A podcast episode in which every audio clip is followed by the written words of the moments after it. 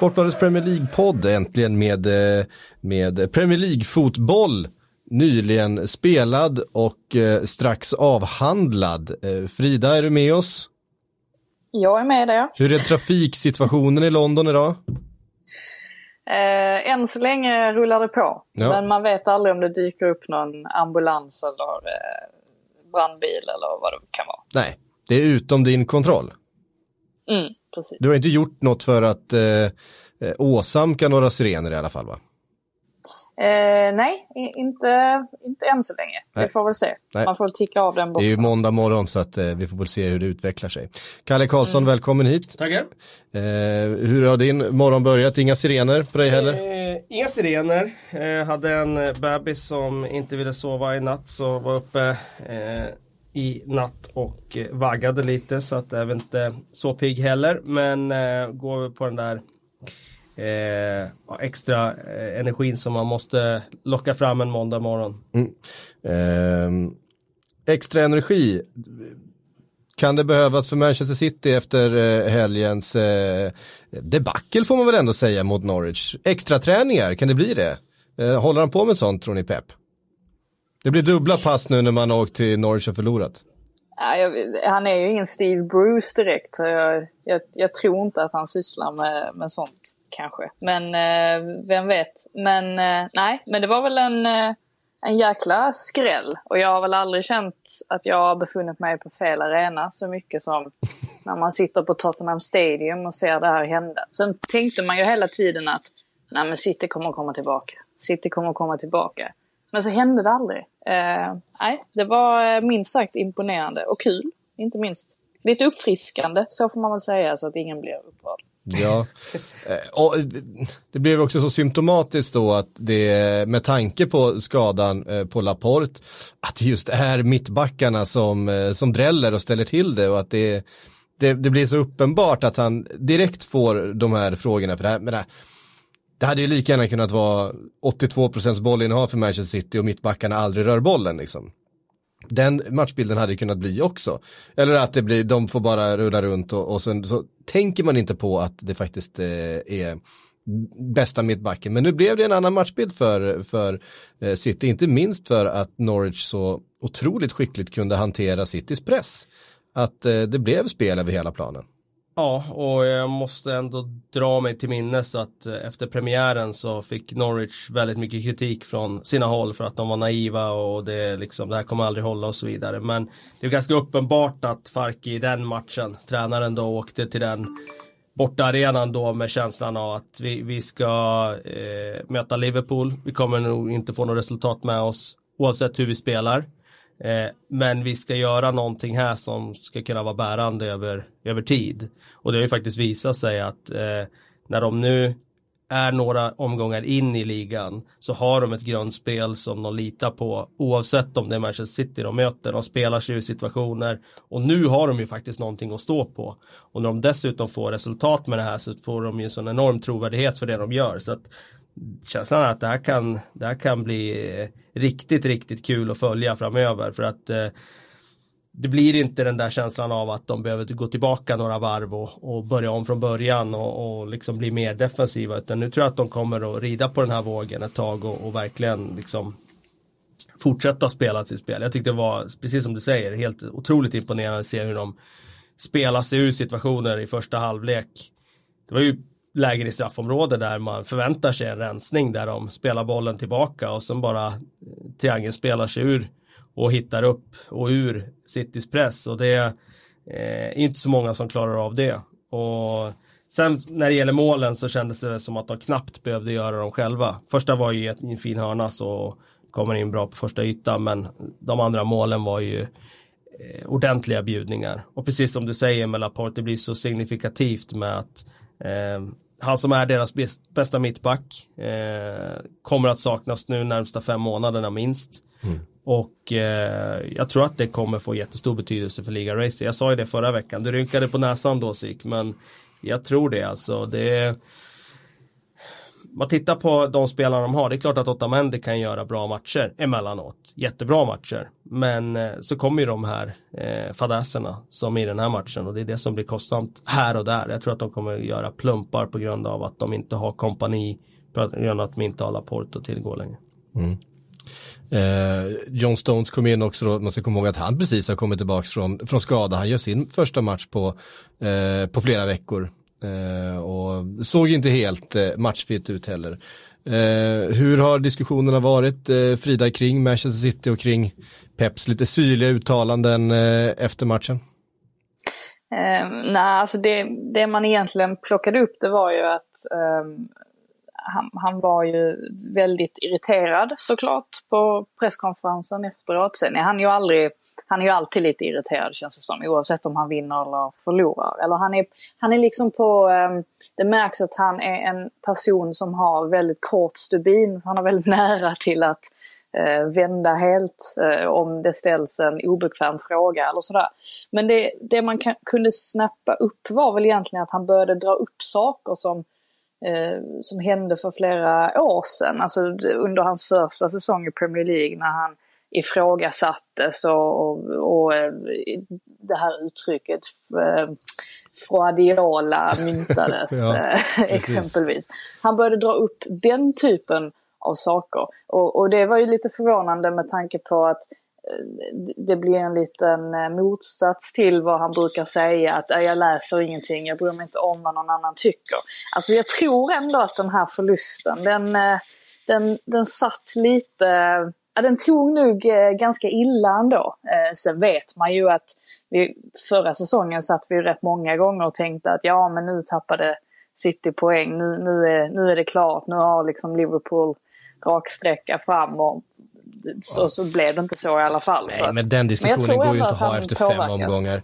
Eh, den diskussionen går ju inte att ha efter fem omgångar, även att det är, även att det är kul Eh, eh, att göra det så, så blir det ju rätt irrelevant. Men eh, svagt försvarsspel av City såklart, men men vilket anfallsspel av eh, Norwich. Och en sak att de spelar sig ur pressen, men vi måste ju nämna eh, Buendia och Todd Cantwell som då flankerar eh, Timo Pukka där framme och gör ju ett gör ju en fem plus matcher båda två.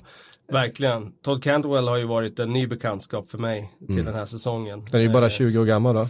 Blev oerhört förtjust i honom redan i premiären där mot Liverpool. Även om det resultatet inte var så smickrande så såg man att det där är en virvelvind som kommer att orsaka mycket eh, oreda i motståndarna försvarare och det har han verkligen gjort. Och han gör poäng och han springer och han pressar och han är jobbig att möta och ja, känns som en sån här eh, ny liksom, vad ska man säga, lite sådär jag ska inte jämföra med Michael Antonio för att eh, Michael Antonio är väl unik i sitt, men han är ju lite sådär eh, stöpt i samma format, alltså han är inte den mest eleganta spelaren så, men eh, jäklar vad han jobbar hårt och jäklar vad han springer och han kommer rätt in i straffområdet och eh, en sån där spelare som han kommer göra sina poäng trots att det finns andra som kanske har bättre grundteknik och funktionalitet. Så att eh, det har ju varit en sån där spelare som har eh, gett Norwich, eh, ja, det är enkelt om det, att ta bort för motståndaren om det bara är en där framme, Pukki. Mm. Men nu finns det ju andra hot eh, i form av Cantwell, Bundia som du säger. Jag tycker att backlinjen också var otroligt bra den här mm. matchen. Inte bara försvarsmässigt utan även alltså sättet de spelar med boll är ju extremt imponerande. Mm. Um, Bo, mm. ja. Buendia har ju gått lite under radarn. Han har ju faktiskt varit eh, extremt bra och legat, legat bakom väldigt, väldigt många av Norwich mål hittills. Alltså det blir enkelt att man bara creddar, eller bara creddar, men Pucki har ju fått mycket av rubrikerna och Cantwell har också höjts. Det är säkert mycket tack vare att han är engelsman också, så höjs han lite extra för att det är, det är kul för dem och så vidare. Men Buendia han har, särskilt mot Chelsea också, vet jag att jag tänkte på det flera gånger, han låg, han låg säkert bakom Eh, han låg bakom alla målen. Eh, alltså att det är aktioner av honom, alltså både då alltså rent tekniska men också det här att han eh, liksom bröt bollar, alltså viktiga bollar liksom och inledde anfall. Så han, eh, nej, det var ju några smakbitar också såg jag eh, från matchen också där han visade på sin tekniska briljans. Så det var, det var ett bra köp Får man eh, lugnt kostar säga. inte så många kronor heller. Det, man, måste, man måste ju inte liksom betala flera hundra miljoner för en fotbollsspelare för att eh, eh, om man gör sin scouting. Det är väl, är, är det, det är väl, det är väl en, eh, en rimlig lärdom att dra. Har vi gjort några gånger förut. Absolut, sen är det ju väldigt komplext sen för att eh, du kan ju ha en spelare som funkar i en miljö och eh, samma spelare kan ju scoutas till en annan klubb och inte funka alls där. Så att eh, det är ju mycket om vad man gör när spelaren väl är på plats också. Och, eh, eller jag skulle säga att det är 90% och sen eh, eh, ska han få rätt roll och rätt miljö runt omkring fotbollen och det ska funka socialt och allt det där. Så det är, det är många bitar. En grej som jag tycker var intressant också, jag tror att vi kommer komma in på det där senare med tanke på hur andra lag agerar den här helgen, det här med korta insparkar. Men Norwich gjorde ju det vid 2-0 målet. Och där ser man ju fördelen med en kort inspark där man lockar upp City som står högt och så lyfter Krull den bollen långt och då är det inte så många försvarare kvar att passera sen. Så att det är både för och nackdelar med det där. Där såg man definitivt fördelen med att spela ut den kort. För att eh, det är det som lägger grunden för Norwich 2-0 mål. Just det. Eh, och vart också mycket snack om eh, Manchester Citys eh, set plays, alltså eh, hörner och frisparkar och så vidare. De har alltså 16 hörner med sig i den här matchen och lyckas inte göra eh, någonting på dem. Har någon farlig målchans eh, till form av hörnan. Eh, jag tror åtta män det faktiskt som tvingar fram en, eh, en hyfsad räddning från Tim Krul precis i slutet. Eh, Men att Manchester City alltså med 16 hörner inte eh, lyckas skapa mer. Samtidigt så släpper man in en boll på en av de få hörnerna då som, eh, som Norwich har och ser eh, lite bräckliga ut eh, just på fast situationer. Man ska ju komma ihåg då att de har tappat Compagnie och Laporte som är deras två bästa huvudspelare. Tittar man på den här elvan så har de ingen bra huvudspelare på banan. Så det är inte så Nej, det är Otamendi. Ja men han är ju inte, han är inte bra för att vara mittback, han är okej. Inte mer än så i luftrummet. Eh, jag skulle säga att de extremt bräckliga i eh, huvudspelet sett till den elvan de ställer på bena i den här matchen.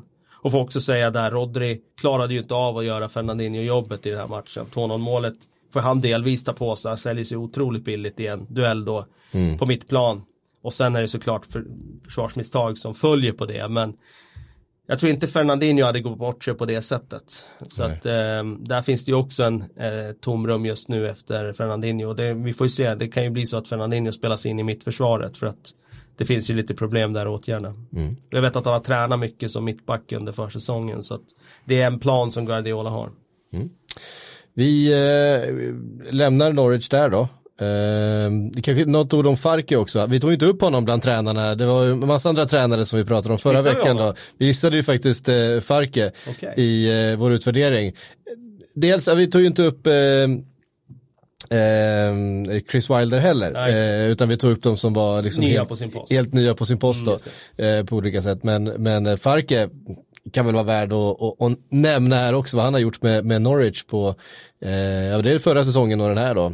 Eh, det är de två säsongerna han har varit eh, i Norwich. Precis, det är viktigt att betona där att mycket av det man gör, det är kanske inte alltså, så mycket man gör den här tiden. Alltså, det, som, det som visar sig nu för Norwich, det är den grunden han har lagt under förra säsongen snarare än det han har gjort de senaste fyra veckorna sedan ligan startade.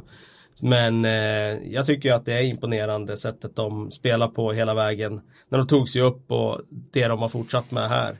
Och jag tror att, eh, det, som jag sa efter premiären, de kommer få tufft när de möter de stora lagen på bortaplan.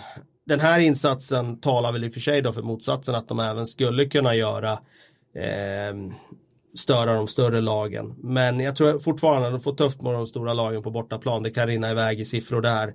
Men de kommer bli riktigt jobbiga att möta för de här lagen på undre halvan. För då kommer de ha ett grundspel som bär. Som gör att de kan öppna låga försvar när de möter, låt säga, eh, ja, vilka ska vi ta? Newcastle. Mm. Eh, det blir segway då över till eh, Liverpool Newcastle. Så vi, vi, vi stannar i, i duellen då mellan Liverpool och City. Eh, Willems, vilken jävla rökare han fick på i början där. Och där, där såg det lite, lite skakigt ut ändå eh, för Liverpool. Det hade svårt att, att trumma igång spelet. Eh, blir ändå 3-1 till slut och, och såg, även fast det var liksom ingen fullfjädrad insats den här veckan heller för Liverpool, ändå rätt så eh, bekvämt ut. Eh, ja, och det är hemmaplan och det är Norwich, eller vad säger jag, och det är Newcastle. Eh, vad säger du Frida om, om insatsen från, eh, från Liverpool och, och Newcastle? Där? Jag noterade i alla fall att Emil Kraft eh, vågade smyga sig betydligt högre upp i planen än vad man har sett eh, under de inledande matcherna. Det var ju kul. Sen var ju inte hans eh, avslut var kanske inte de bästa. Nej, det var ett bra läge han fick där, får man säga. Ja, alltså ändå ett, ändå ett steg i rätt riktning. För jag, jag, jag tycker generellt att Emil Kraft är lite för eh, men lite för osäker i det offensiva spelet. Eller att han inte alltid eh, liksom, hänger med upp sådär enkelt. Eh, men eh, nej, eh, kul att se att han, att han verkar göra det. I övrigt så, ja vad ska man säga? Eh, Liverpool är ju utan tvekan Englands starkaste lag för tillfället. Utan att sticka ut hakan där. Och Roberto Firmino, det känns som att han blir bara bättre och bättre för varje omgång. Det är, hans, det, är hans, det är hans år i år. Eh, att glänsa utav de tre. Ja, det, det, det känns verkligen så. Det blev lite tydligt. Vi, vi spekulerade i förra veckan i, kring om han skulle vilas med tanke på eh, resschema och sådana saker från, eh, från eh, landslagssamlingen.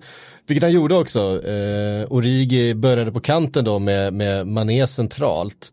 Eh, funkade väl sådär, eh, blir inte riktigt samma grej, sen så skadar han sig olyckligt och Firmino tvingas komma in då efter en 25 minuter och genast så ser man vad som händer med det där anfallsspelet.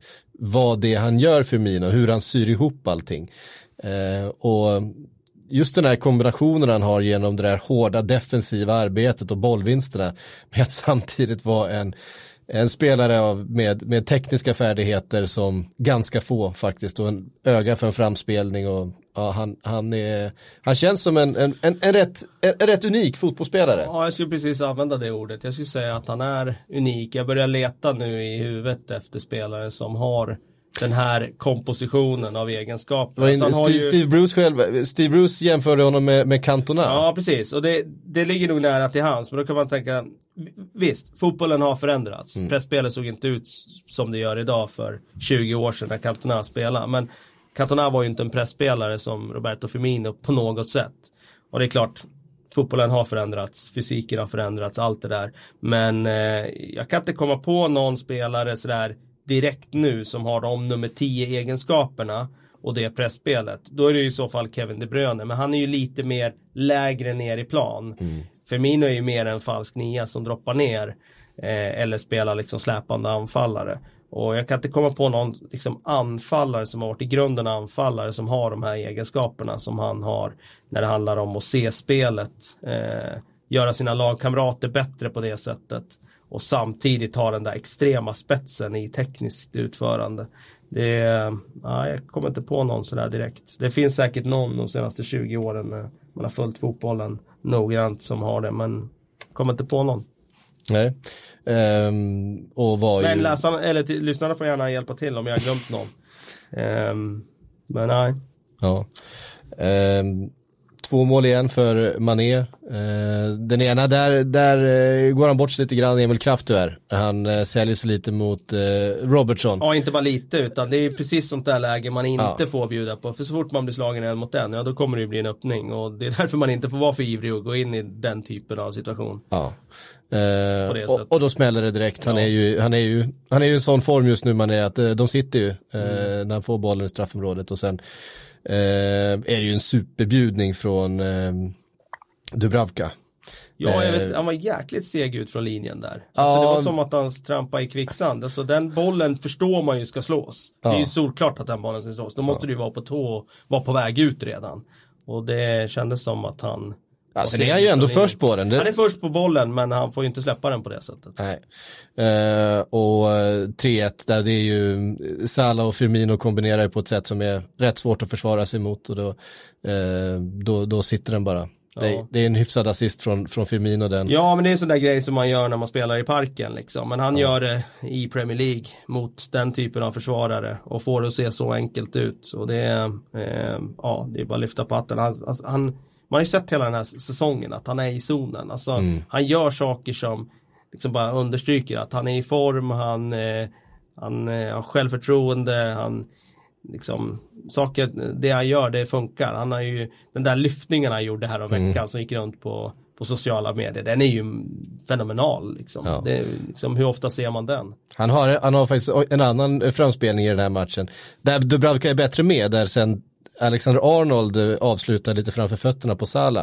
Eh, där han klackar en djupledsboll på ett tillslag eh, ner mellan, mellan Newcastle-backarna som också är Eh, det blev ju ingenting av den så att den, den eh, fick inte plats på så många highlights men den tyckte jag var värd att, att nämna också. Eh, en annan situation som jag tänkte skulle segwaya, eh, kan bara konstatera då, Liverpool 15 poäng på fem spelade matcher, nu fem poäng före. Men som sagt, det är långt kvar. Chelsea nästa vecka, det blir, eh, det blir tuffaste eh, hittills. Chelsea på bortaplan. Vi kommer snart till Chelseas fenomenala eh, match. Men jag tänkte vi skulle ta lite omvägen då med hjälp av Matips straffsituation. Har ni sett den? Nej. Det är Ja det är första, det är vid 1-0 till eh, Newcastle, Matip går upp, blir helt och hållet ja, omfamnad. Där, ja, ja precis, eh, och bollen går mot honom, det är ingen i vägen. Eh, och det blir ingenting, det är en av de mest uppenbara liksom, straffsituationerna man har sett. och, den är super, och så finns VAR och så händer ingenting.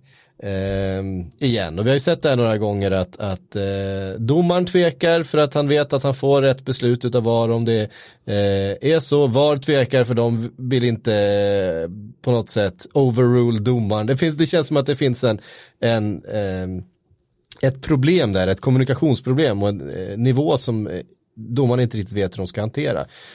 Och häromdagen så var ju faktiskt Mike Riley, eh, domarchefen, ute och kommenterade detta, eh, delade med sig och, och erkände ju att de hade fyra stycken fel som, de, eh, som man erkände. Jag tycker att de har haft fler än så. Eh, men det är ändå fyra fel på 40 matcher.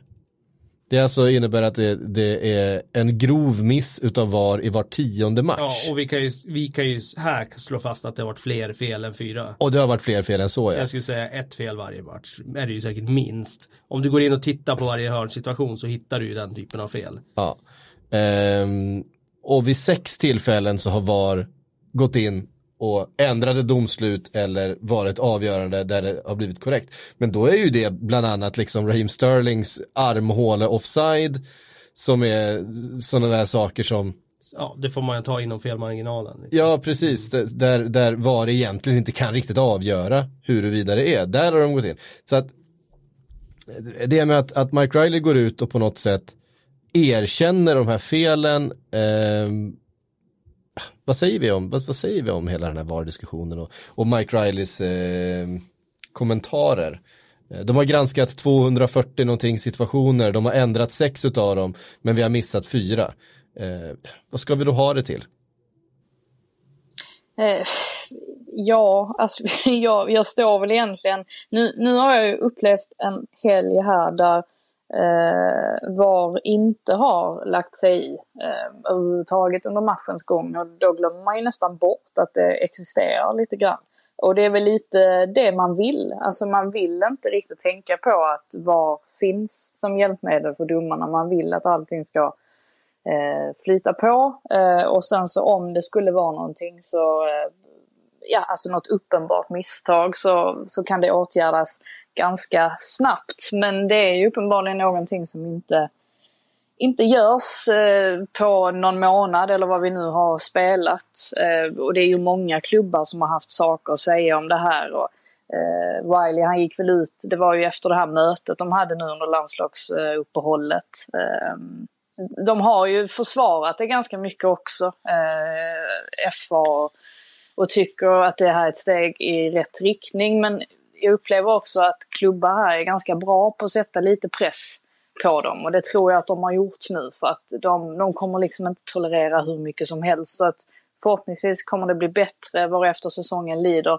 Men jag upplever också att vissa domare föränd alltså har förändrats i och med eh, VAR. Alltså då tänker jag lite grann på en sån som Mike Dean. Som kän det känns som att han numera när han går ut och dömer, han bara känns som att han skiter lite i allt. jag vet inte, det kanske bara är jag som har, eh, har den, eh, alltså upplever att det är så. Men att han förlitar sig så himla mycket på, på VAR och, och så att han nästan inte bryr sig om att döma längre.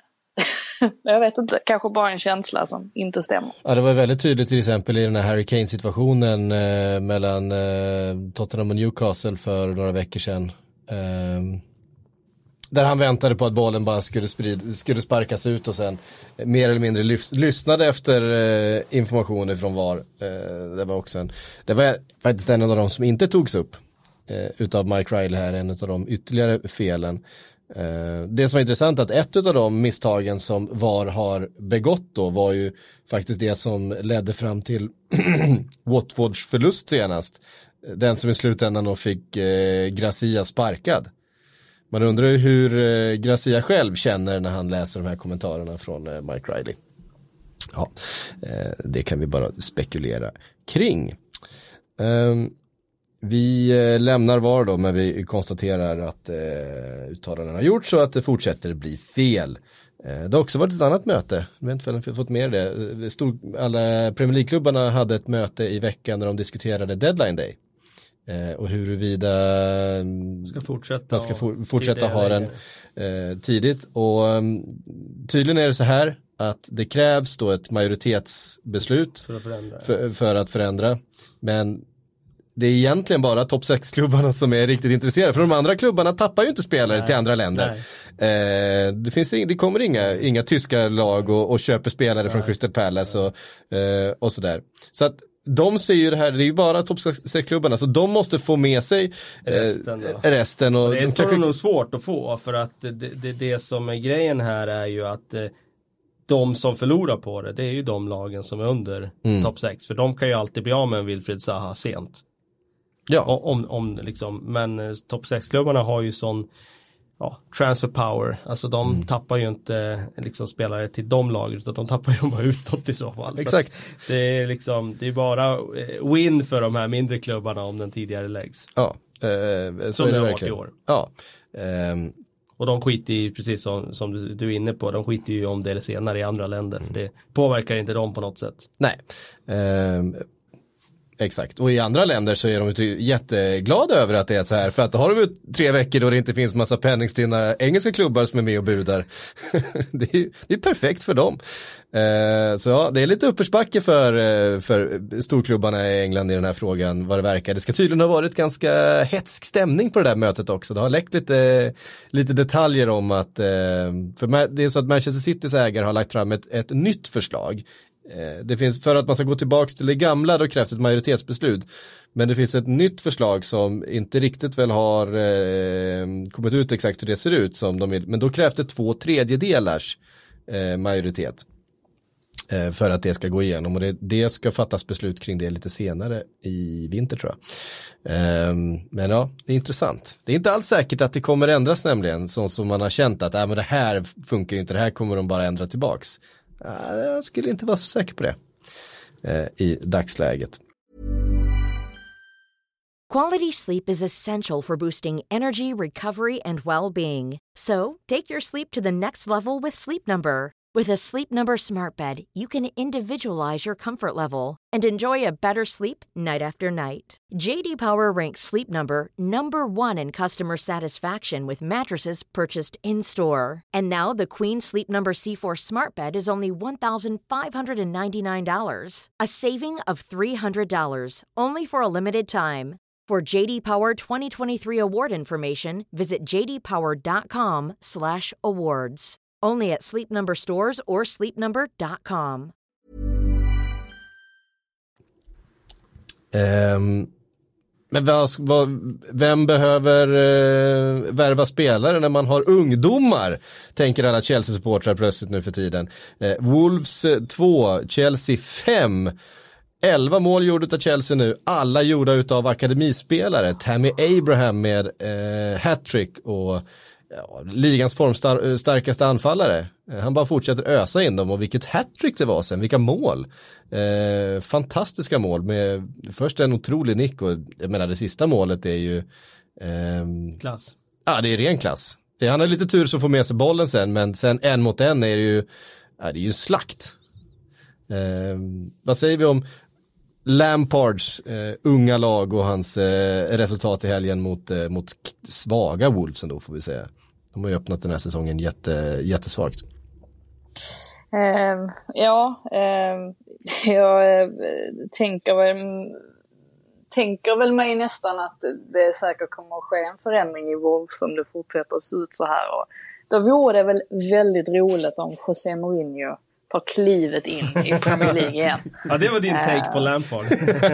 ja, det är dock... Eh, nej, men jag tänkte bara nämna lite först. Men det, jag är osäker på om det finns några femstjärniga hotell i, i Midland som, som funkar med Mourinhos krav och sådär. Så det är väl inte säkert att det blir så. Men Frank Lampard, alltså jag tycker att känslan generellt de senaste veckorna, oavsett Eh, Eh, det här med att eh, liksom resultaten har varit ganska blandade. Det har funnits rätt eh, mycket frågetecken kring defensiven och sådär. Så, så har stämningen generellt sett varit väldigt, väldigt god i Chelsea. Det, det har känts som att eh, de flesta har eh, tyckt att klubben har gått i rätt riktning. Eh, även om de inte har spelat bra över 90 minuter så har de gjort perioder i matcher som har varit väldigt, väldigt bra.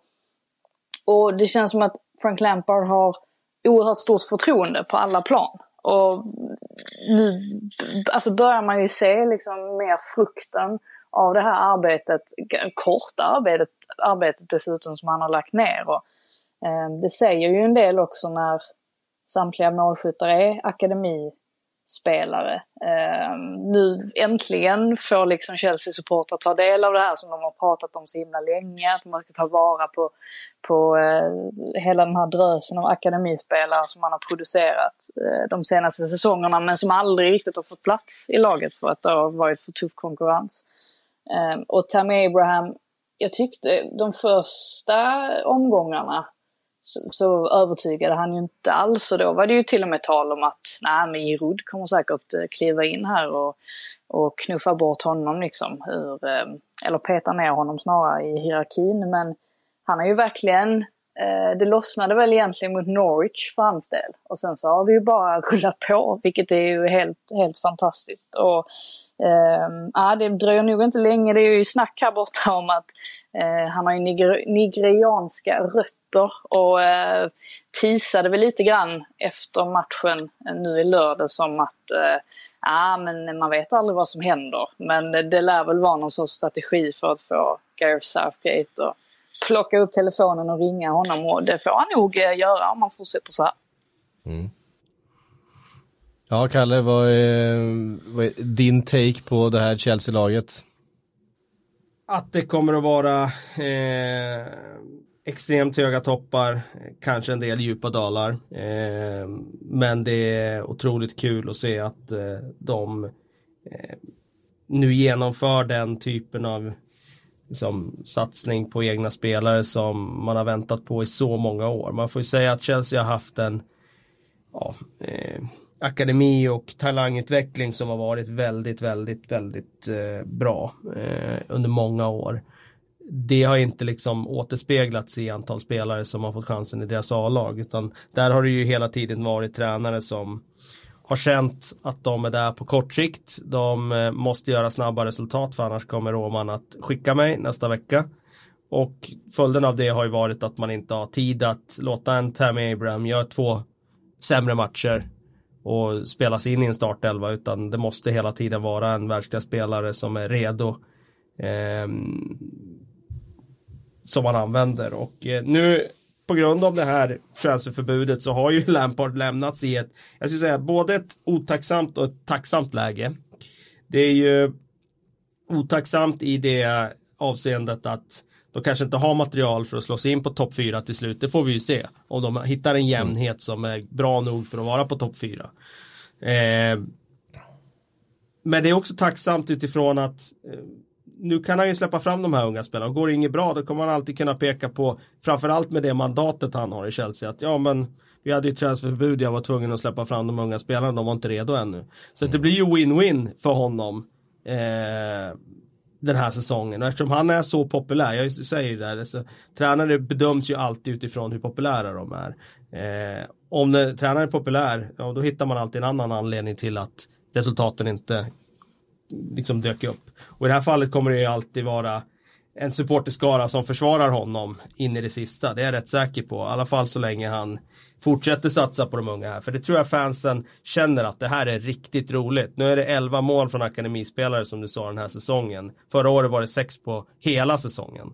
Mm. Eh, och det var alla av Ruben Loftus-Cheek då. Mm. Och nu får man liksom se den ena efter den andra som släpps fram och då har vi Hudson och Doy som är på väg tillbaka från skada som snart kommer att vecklas in här i den här startelvan.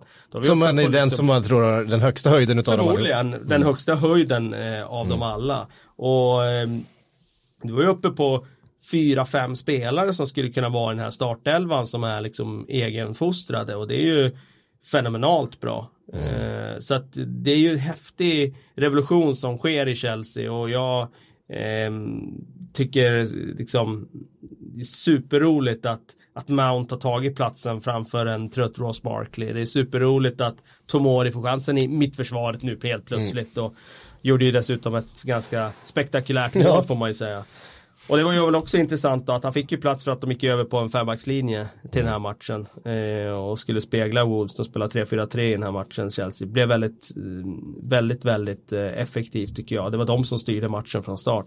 Det var de som eh, tycker jag hittade luckorna och där får man ju säga att Wolves blir ju väldigt, väldigt förutsägbara. Är de lite sönderlästa Wolves? Ja, de är det. Och mm. det var väl det jag flaggade för inför säsongen. Att det är alltid sådär när man spelar på ett visst sätt som de gjorde i fjol. Så det finns alltid en risk att till år två så, så har motståndarna liksom hunnit tänka några varv och hittat ett sätt som, ja men det här är det sättet vi ska anamma mot dem.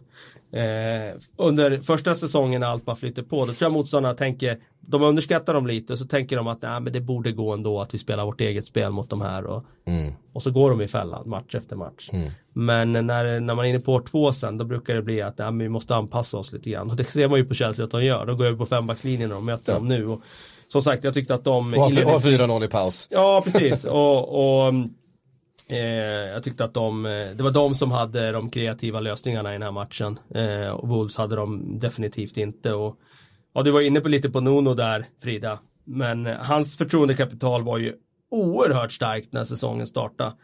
Väldigt populär i fanskaran och eh, bra resultat förra säsongen. Men saker och ting kan ju förändras väldigt fort. Nu är det tre poäng va, hittills. Och, eh, mm. och Dessutom den här Europa-ryggsäcken som kanske innebär att, eh, att de gör en resa i Europa men det kommer definitivt få utslag på ligaspelet. Det är jag helt övertygad om. Det, gör, det får ju det för alla de här lagen som, som inte är topp 6 och har jättebreda trupper. Mm. Um, Wolves är ett av lagen som vi trodde en del på inför den här säsongen. Watford. Ja, jag vet inte. Jag tippar lite kanske... längre ner ja, faktiskt. Ja, ja, okay. Av den, de anledningar vi pratade om. Jag sa det, de kommer vara sönderlästa. Watford, ett annat lag som vi haft vissa förhoppningar på, som har inlett svagt. Eh, igår tog de sig an Arsenal.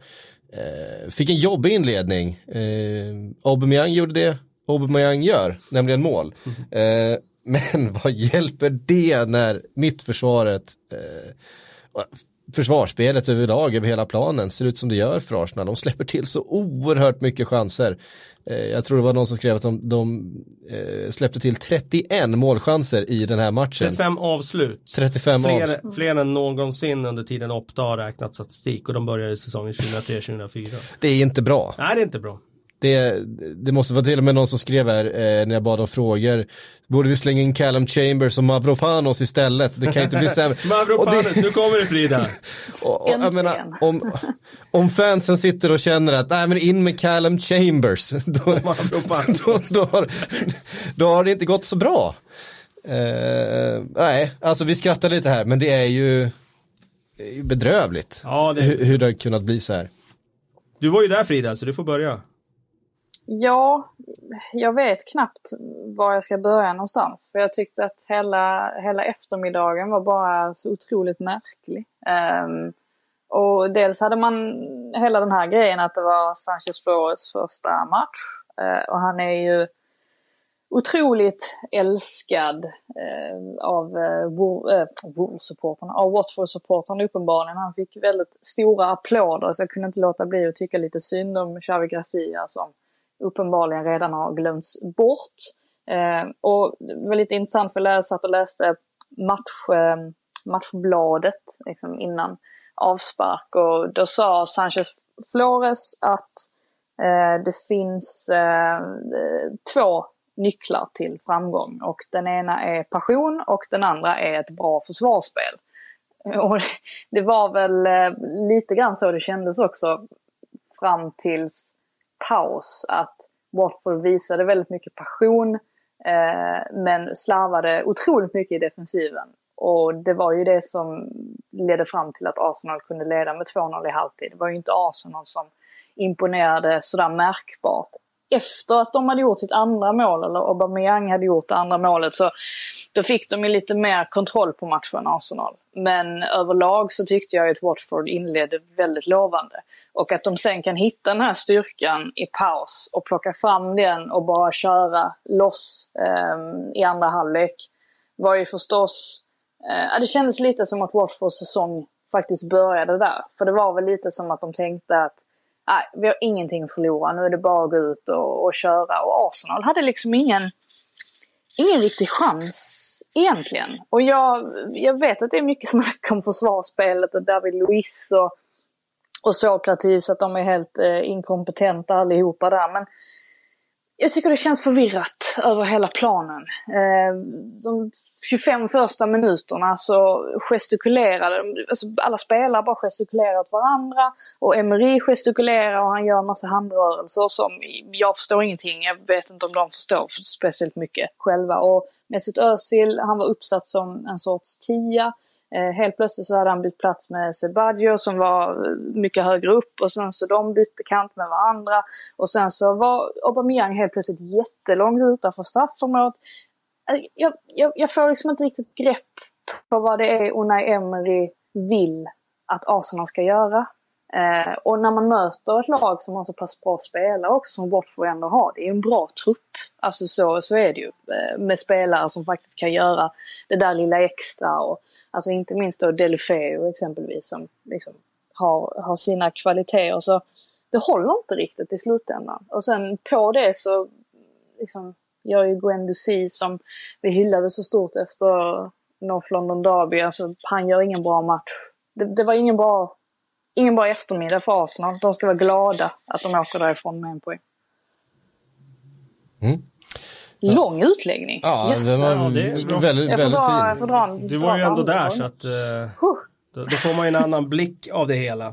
Nej men alltså jag eh, måste ju faktiskt flagga för det här med Unai Emery. Att jag har ju eh, när han var i Spanien så såg jag honom som en oerhört skicklig taktiker som var väldigt duktig på den enskilda matchplanen. Men eh, när man ser den här typen av match, nu liknar ju det här ganska mycket deras match i, mot Watford i fjol. Jag för mig att Watford körde över dem då också. De kom ju undan den gången och vann den matchen ändå. Mm. Men jag för mig att det var liksom jag för mig att det var Dini fotboll den gången och så körde de över dem på det sättet. Nu var ju inte Dini med, han var stod ju på läktarn och... Var det inte, var det inte, var det inte då Dini sa, ah, men jag gick ju bara... blev utvisad väl också, eller var inte den matchen du menar? Han har ju vid något tillfälle han, när han eh, efteråt gick ut och sa, ah, men jag gick bara ut och spöade på dem en stund, sen blev de rädda för mig och sen så vann vi matchen. ja, det var inte den matchen.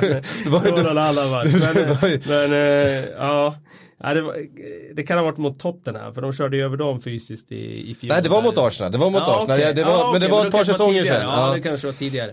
Nej men oavsett så, så eh, när man ser den här matchen så känns det som att det är ett enda mischmasch av Arsenals matchplan och svårt att förstå egentligen vad, vad, vad de vill göra. Han spelar ju någon slags diamant, Emery.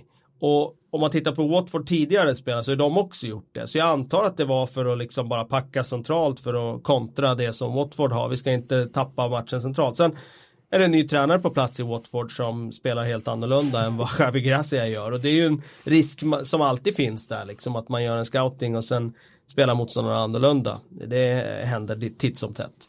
Och eh, nu spelar ju de ett 4-3 med breda yttrar. Och det som skedde var ju att Arsenal egentligen från första stund hade problem på sina kanter. Framförallt på Delofeus kant som är jätteskicklig en mot en och satte ju Maitland Lines i, i skolbänken ett par gånger första halvlek redan. Och man ser ju att han får det där mentala överläget mm. där. Maitland Nice blir lite orolig varje gång han får bollen. Och då, och, då hamnar de i problem. Och framförallt Deulofeu är ju en sån spelare att när han, när han får med sig den där i början av en match och har sin dag, då kan han ju vara fan mig ostoppbar ibland. Absolut, alltså. och jag tror att han också på ett sätt drar med sig hela laget. För att de vet ju att han är en matchvinnartyp som kan vinna matcher på egen hand. Då, har, då ser de då, men han är ju, han är ju i stöten idag. Då är det mm. klart att de tror på det. Även om det står 0-2 på resultattavlan, vilket gjorde det här, så vet de ju att vi har en Delofeo som som har eh, mentalt övertag på sin kant och som kan hota och jag tycker hela andra halvlek så så fick de ju fortsätta hota på det sättet. Arsenal lyckas ju aldrig egentligen stoppa blodflödet i den här matchen. Även när de leder med 2-0 så är det ju aldrig riktigt säkert. Visst, de bjuder ju på det första målet eh, genom en kort inspark där. där jag menar, man kan säga varför spelar de ut kort i det läget och det, det går säkert att diskutera det men det handlar ju mycket om den enskilda kvaliteten också på spelare. Så det är ju snarare frågan sådär, ska man spela ut kort när man har Sokratis typer i laget? För den passningen, frys bilden när han slår den passningen, den är ju hur enkel som helst att bara slå ut på Maitland Lies på, på högerkanten istället för att slå in den i mitten istället. Så han, han tar ju ett felbeslut helt enkelt. Tycker inte det har så mycket med strukturen att göra utan det är på det individuella planet. Och sen eh, därifrån sen så blir det ju bara kaos. Och där tycker jag att eh, Emerys matchcoachning var jättemärklig. Hade ju annars liksom från Spanien känts som en skicklig taktiker och matchcoach men konstiga byten, jättekonstiga byten. Han tar ut Ceballos som är den som skulle kunna ta tag i bollen och lugna ner spelet och se till så att Arsenal kunde äga den. Eh, Antonio Duendosi som visserligen hade en varning och inte var speciellt bra. Han tappade ju bollen i ett par kritiska lägen. Samtidigt så tror jag inte att det hade varit ett problem i slutet av matchen för då hade de eh, spelat på ett annat sätt. Då hade de ju behövt Guendousis energi och pressspel och så vidare. Så att eh, och han stoppar ju, hade inte så bra spelare på bänken heller utan om man plockar in Willock och Reels Nelson kommer in sen och det är väl inga spelare du vill ha på plan när du, när du är satt under sånt hårt tryck som Watford ändå skapade. Så att eh, ja, jag måste hålla med eh, om att eh, här gick han fullständigt snett i den här matchen. Och eh, jag tycker inte att det har blivit något bra alls när han har spelat den här diamantformationen. Det var det han gjorde mot Liverpool borta också. Eh, mm. Där han liksom tillät Liverpool bara forsa fram på kanterna och slå hundratusen inlägg. Och han måste, han måste komma till rätta med det, de problemen som de har just nu för att mm. eh, varken offensivt eller defensivt ser det speciellt bra ut. Han försvarade ju sina byten med att säga att uh, it was hot. Alltså han menade att liksom värmen gjorde att Ceballo inte orkade hur, längre. Hur varmt var det eh, Frida? Ja men det var väldigt varmt faktiskt i, igår, det, det får jag säga. Men sen samtidigt var, ju, var det ju ganska sent på dagen också så att det var ju inte olidligt varmt. Um, och, ja, och så påstod han då att han ville ha fräscha ben, så var därför han bytte ut uh, Ja, nej, men det, det, det, kan man ju förstå. Sen är ju äh, frågan om, om, man tog rätt spelare. Mm. Alltså Özil hade väl varit mer logiskt att ta än Ceballos mm. kan jag tycka. Mm. Mm, ja, absolut. Um, nej, han är, han är ju lite, han är ju lite märklig, Emery. Eh, särskilt så här på presskonferens. Jag tänkte på det igår att man hade nästan kunnat spela in eh, en presskonferens och så hade man bara kunnat köra den på repeat så här, efter varje match. För att han, han ändrar så sällan det han säger. Alltså efter en förlust så är det frustrerande med en förlust. Men vi måste fortsätta jobba och vara mentalt starka. Vi måste fortsätta förbättra oss och, och jag tror liksom, precis som, som ni säger också, att jag, jag, tror inte att det kommer hålla hur länge som helst. Alltså om man inte ser en, att man är på väg någonstans. Alltså Frank Lampard, på väldigt kort tid har ju han ändå tagit Chelsea någonstans. Alltså man ser vad det är de försöker göra. Jag ser inte riktigt vad Arsenal försöker göra ibland, som i den här matchen. Alltså det, och det är därför jag menar också att försvaret får väldigt mycket skit med rätta för att det är ju liksom tragiska misstag ibland där, inte minst från David Luiz som vi vet har en benägenhet att göra det ibland. Man får ju också ingen täckning eller hjälp överhuvudtaget, alltså som igår. Eh, i, i, tyckte också i London-derbyt med Tottenham så var det lite samma sak där under första halvlek, att de fick inte så mycket hjälp och sen så stabiliserade de sig till den andra halvleken. Alltså liksom det centrala mittfältet är betydligt eh, bättre och, och, hjälper ju då också försvarsspelet så att det ser mycket bättre ut. Alltså det, det går ju väldigt mycket hand i hand. Eh, och det är ju någonting som inte funkar där. Det är ju uppenbart. Yes, vi, eh, vi lämnar Arsenal-Watford där. Kan jag bara säga en Ja, grej, en bara grej. Emery där att eh, det känns som att det är en väldigt, eh, han har lite problem med språket också. Eh, alltså när jag lyssnar på Sky Sports intervju han gjorde efter matchen där, det är väldigt svårt att förstå egentligen vad han säger Ja. och få ihop det till alltså ett sammanhang i de meningarna. Man förstår ju orden han säger och uttalar men jag tror inte han har språk, det engelska språket riktigt för att kunna göra sig själv förstådd på det sättet som han hade gjort på spanska. Eh, Så att jag, jag tror att det är en, en grej, och det är ju ett problem. Det är alltid ett problem för en tränare om man inte har språket. Alltså det är ju ett extremt viktigt verktyg. Så att, ehm, ja men ehm, det känns som, mm, ja det, det, det kommer vara ett, ett försvars, eh, ett försvarshuvudverk som kommer att förfölja det här laget den här säsongen. Manchester United-Leicester 1-0. Eh, på förhand målar vi ut den som kanske omgångens eh, intressantaste match. Eh, just med tanke på att det är två lag, eh, ett Manchester United som har haft en hel del frågetecken med de första omgångarna och ett Leicester som vi eh, har hyllat och som vi har tyckt så, se- sett så spännande och intressanta ut. Eh, 1-0 till Manchester United efter en straff, hör och häpna, den gick i mål. Marcus Rashford både fixade den och satte den. Eh, inget att säga om det domslutet eh, kan jag tycka. Ehm, Ny fin match av Daniel James. Eh, ska vi också eh, vara eh, noggranna med att påpeka tycker jag. Han har fått en, eh, i eh, den här säsongsinledningen som har varit lite svajig för Manchester United har han ju verkligen varit utropstecknet och eh, en av eh, faktiskt de bästa värvningarna sett över hela ligan skulle jag säga att eh, han har varit. För han var väldigt, väldigt viktig i eh, den här matchen också. Ehm, Tre tunga poäng för Ole Gunnar i alla fall mot ett eh, svårt Leicester ju. Eh, Frida, vad, vad, du satt på Tottenham Stadium va? Du har sett, vad har du sett i efterhand? Eh, nej, alltså jag har ju sett lite, lite highlights såklart. Eh, ja, Solskjaer han får väl en vecka till på jobbet eh, i alla fall. Eh, Lite så kändes det väl. Eh, jag tror mest att jag reagerade på startelvan faktiskt när den kom för att den var ju inte alls imponerande eh, överhuvudtaget. Den, den skrämde nog ingen och av att döma av statistiken efteråt så skrämde den inte Leicester heller som väl verkade ha, eller de hade större bollinnehav och eh, det var ganska jämnt i antalet chanser också. Ehm, men jag, och jag, jag vill ju vara en sån där som tycker att Daniel James är en av sommarens bästa värvningar. För att han är oerhört kompatibel sett till vad jag brukar gilla för kvaliteter och spelare.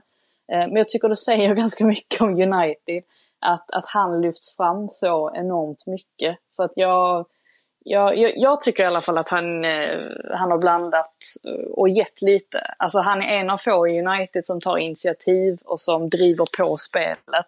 Men han, eh, han, är inte riktigt, han har inte riktigt fyllt skorna än. Alltså så, det, det skulle jag inte vilja eh, påstå. Alltså jag, jag vill se, se lite mer av honom och eh, se honom eh, ja, men bli lite, lite mindre slarvig. Eh, jag tycker att han tenderar att vara det. Men nu ska jag inte ge mig på Daniel James. Eh, Det finns kul andra man kan, men, finns andra man kan hoppa på. Eh, Matic från start, eh, det var ju eh, ett centralt mittfält då med McTominay, Matic och Juan Mata som kommit in då i Paul Pogbas eh, frånvaro. Eh, Mata eh, såg ganska pigg ut. Eh, var inblandad i en hel del offensivt såklart som han ju är med sina fina fötter. Däremot den där eh, tvåan med McTominay och Matic. Eh, ja, den säger väl också någonting om eh, vart Manchester United befinner sig just nu. Ja precis, men de hade ju rätt stora skadeproblem i den här matchen ska ju sägas. Så att sett till det så får man ändå säga att det var starkt att komma undan med 1-0 mot Leicester som inte hade förlorat ännu i ligan. Det var ju ett styrkebesked faktiskt för truppen. Ja. Den är ju ganska bred får man ju säga. Eh, McTominay vad jag förstår, jag har inte sett den här matchen än, ska kolla lite i efterhand. Men eh, han gjorde en ganska bra match. Mm. Eh, sen har ju han ett, eh, alltså det finns väl ett glastak för honom. Han, han kommer att vara en, en effektiv bollvinnare emellanåt och han kan bidra med energi och sådär. Men han är för begränsad med bollen för att kunna vara den mittfältaren som, som laget behöver på sikt. Men jag tror i den här matchen ska vi i alla fall framhålla honom som att han, han var nyttig.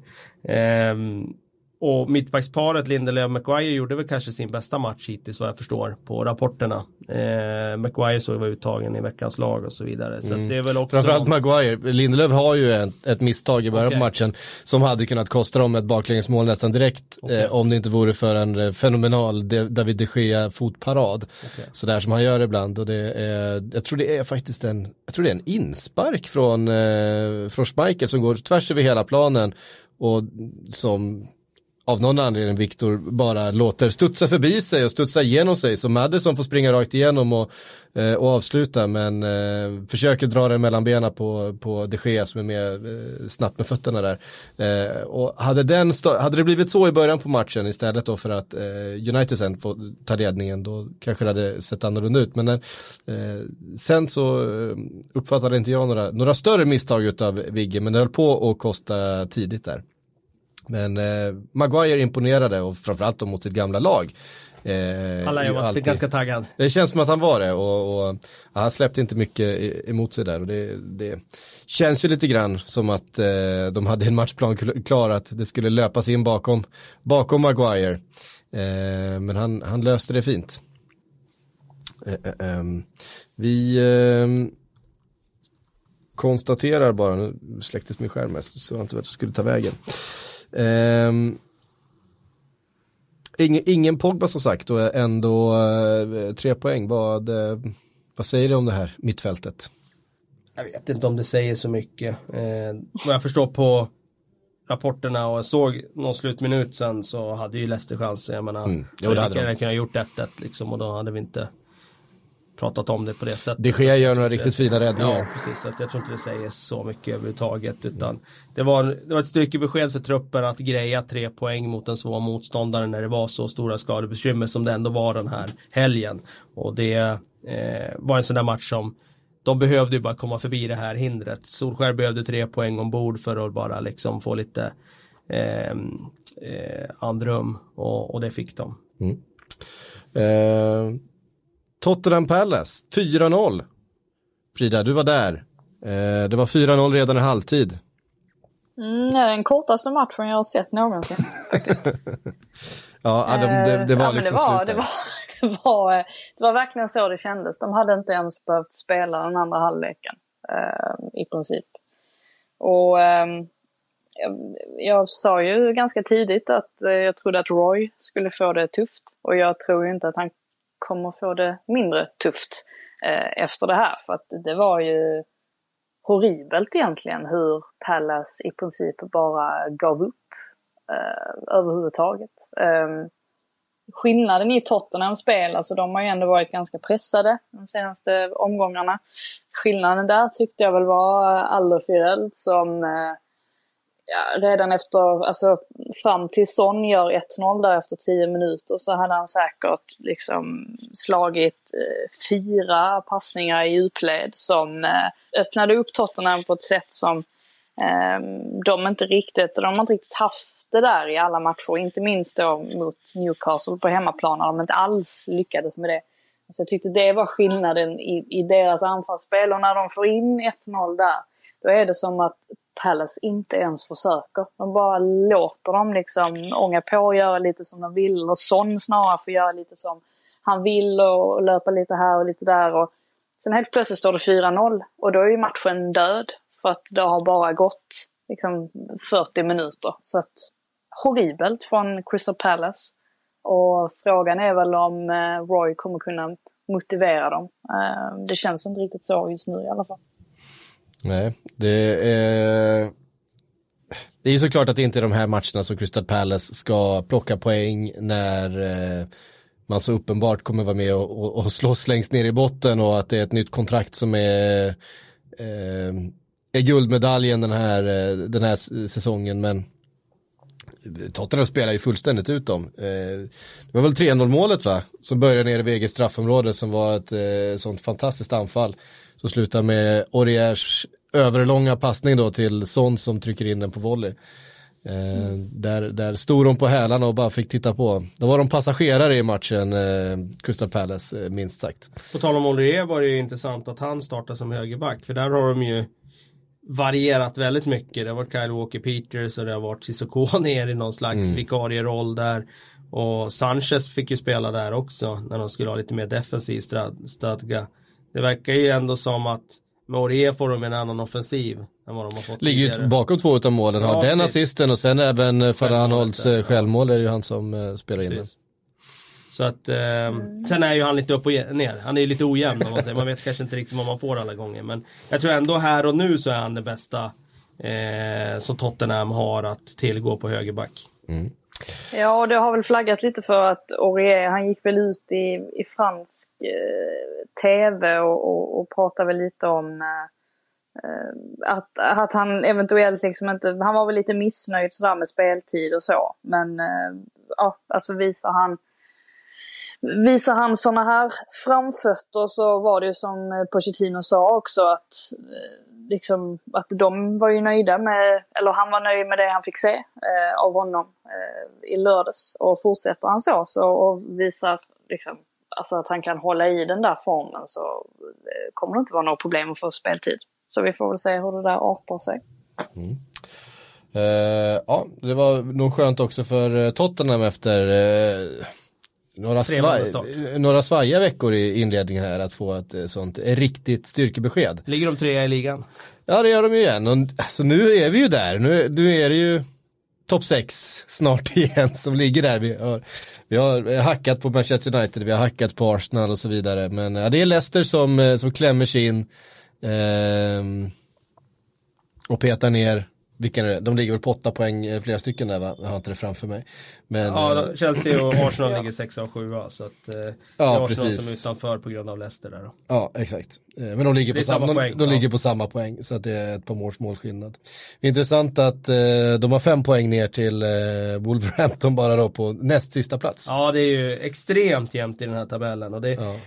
Det understryker alltså, det är fem, fem poäng mellan ettan och tvåan också då? Så ja, det... precis. Och man, man, man, man eh, ska ju inte eh, dra förhastade slutsatser här. Det kan gå väldigt fort för ett Wolves att klättra upp mm. eh, och vara på topp 6 inom ja. en månads tid här om de tar några segrar på raken här. Så att, ja. um...